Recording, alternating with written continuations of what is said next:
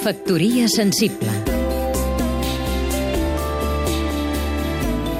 Maria Mercè Roca, escriptora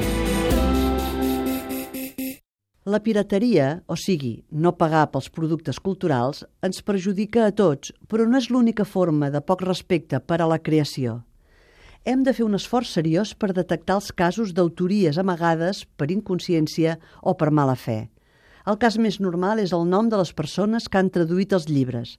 A Catalunya, tret dels llibres que escrivim els d'aquí, el més normal és llegir les obres traduïdes al català o al castellà. Els traductors fan molts esforços perquè sigui reconeguda la gran feina que fan i caldria també que quan els lectors parlem d'una obra de Doris Lessing o de Camus ens acostuméssim a buscar i a citar el nom de la persona gràcies a la qual podem llegir-los. També trobo que s'escatima massa sovint el nom dels músics, els autors de melodies o de les lletres de les cançons, que queden enterrats a sota el pes dels successius intèrprets. Per exemple, el programa d'èxit de TV3 o Happy Day escriuen el títol de la cançó que la coral de torn interpreta, quasi sempre en anglès, però mai no escriuen el nom de la persona que ha creat aquella peça.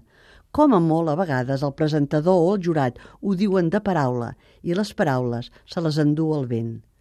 Ometre el treball, la idea, el geni de l'artista és fer trampa, però, a més, ens fan més pobres i més ignorants a tots i, sobretot, impedeix als joves de respectar i d'estimar els creadors. Factoria sensible Seguim-nos també a catradio.cat